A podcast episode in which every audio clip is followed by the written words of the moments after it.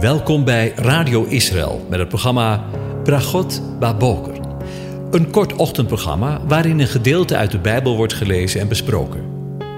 Met Bragot Baboker wensen onze luisteraars zegeningen in de ochtend. Presentator is Kees van de Vlist.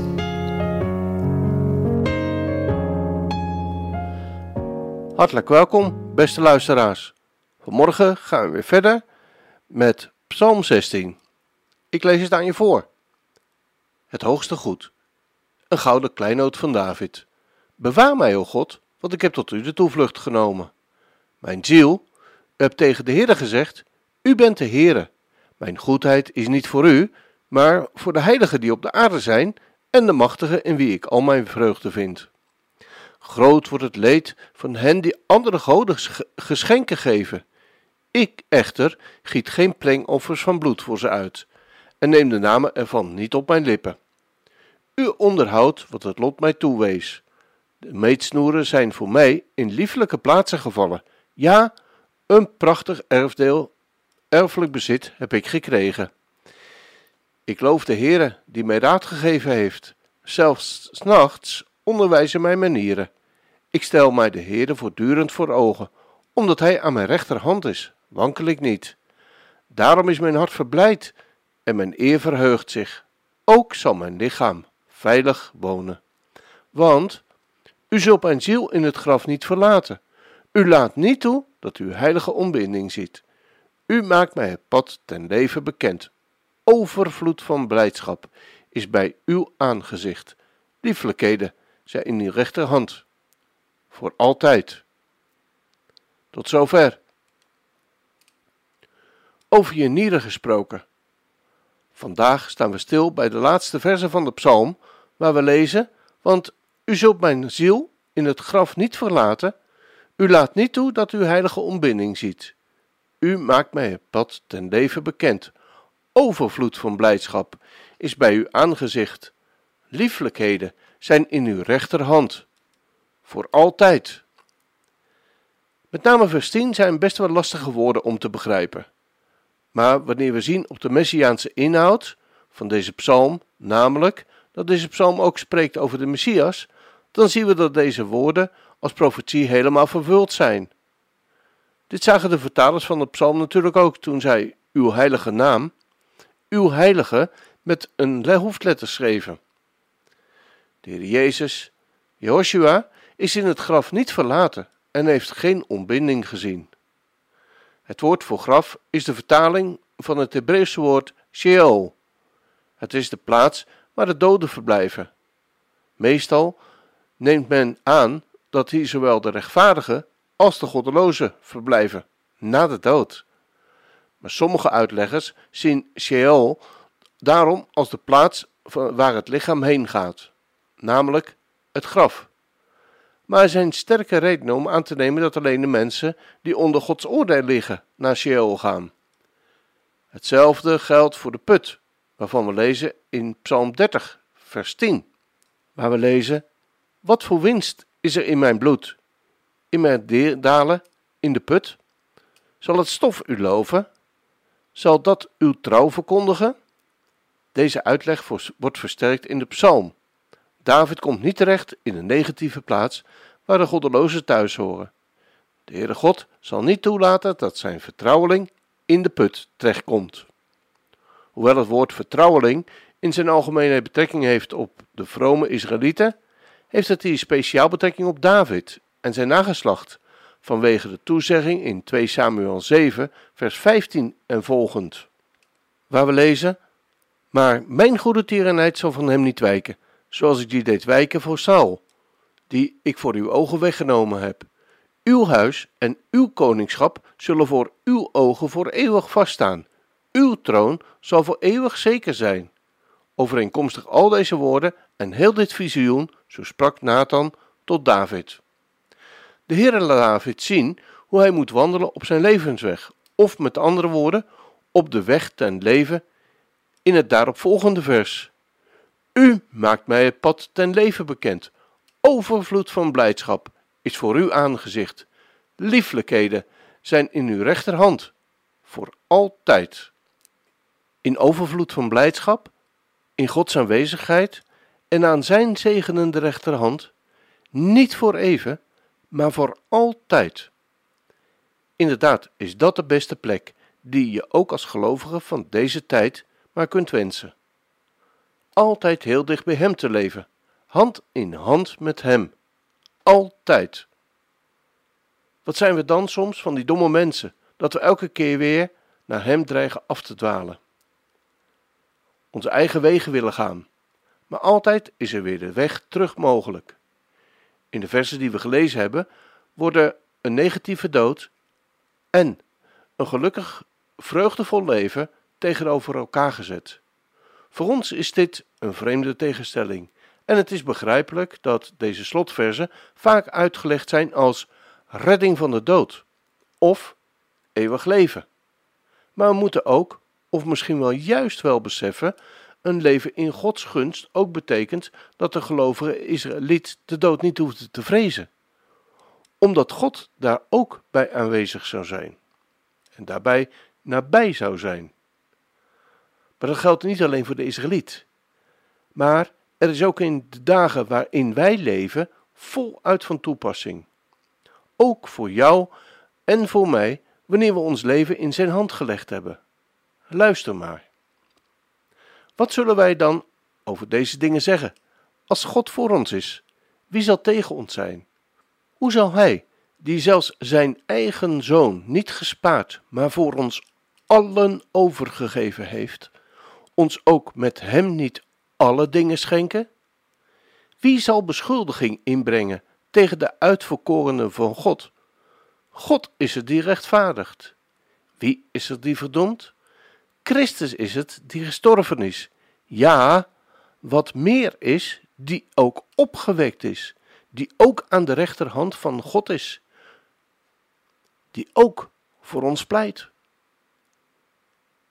Wie zal ons scheiden van de liefde van Christus?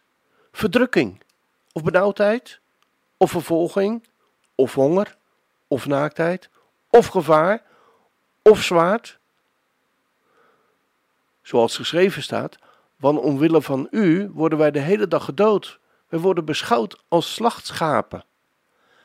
Maar in dit alles zijn wij meer dan overwinnaars door Hem ons heeft liefgehad. Want ik ben ervan overtuigd dat nog dood, nog leven, nog engelen, nog overheden, nog krachten, nog tegenwoordige, nog toekomende dingen, nog hoogte, nog diepte, nog enig ander schepsel ons zou kunnen scheiden van de liefde van God, die in Christus Jezus, onze Heer is. Als dat geen zegen is, we gaan luisteren naar Chris Tomlin met het lied Is He Worthy? Is Hij het waard? Ik lees de woorden aan je voor. Voel je dat de wereld kapot is? Voel je de schaduwen dieper worden? Maar weet je dat alle donker het licht er niet van weerhoudt om er door te komen? Zou je willen dat je alles opnieuw gemaakt kon zien? Zucht de hele schepping? Komt er een nieuwe creatie? Is de heerlijkheid van de Heer het licht in ons midden? Is het goed dat we ons hieraan herinneren? Is iemand het waard? Kan iemand het zegel verbreken en de boekrol openen? De leeuw van Juda, die het graf veroverde. Hij is Davids wortel en het lam dat stierf om de slaaf los te kopen. Is hij het waardig? Is hij het waardig? Vol van zegen, eer en glorie. Is hij het waardig? Hij is waardig. Houdt de Vader echt van ons? Hij houdt echt van ons. Beweegt de geest onder ons? De geest van God beweegt echt onder ons. We gaan naar het lied luisteren, uitgezocht door Corine en Fred Middelkoop. Do you feel the world is broken? Do you feel the shadows deepen? But do you know that all the dark won't stop the light from getting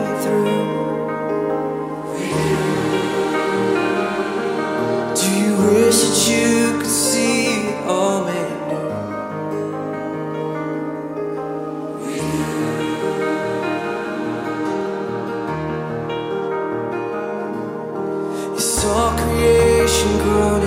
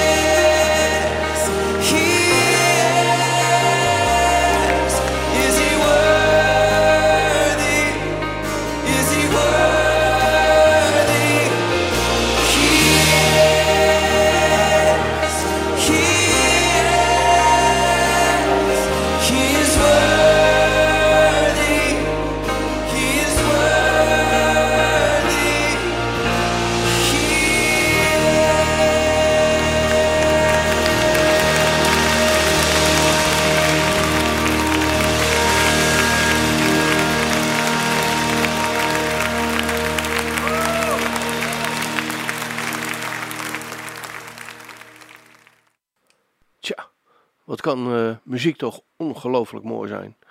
Af en toe zat ik eh, tijdens dit lied met, eh, met kippenvel. Nou, ehm, ik wens je een van God gezegende dag toe. En tot een volgende keer.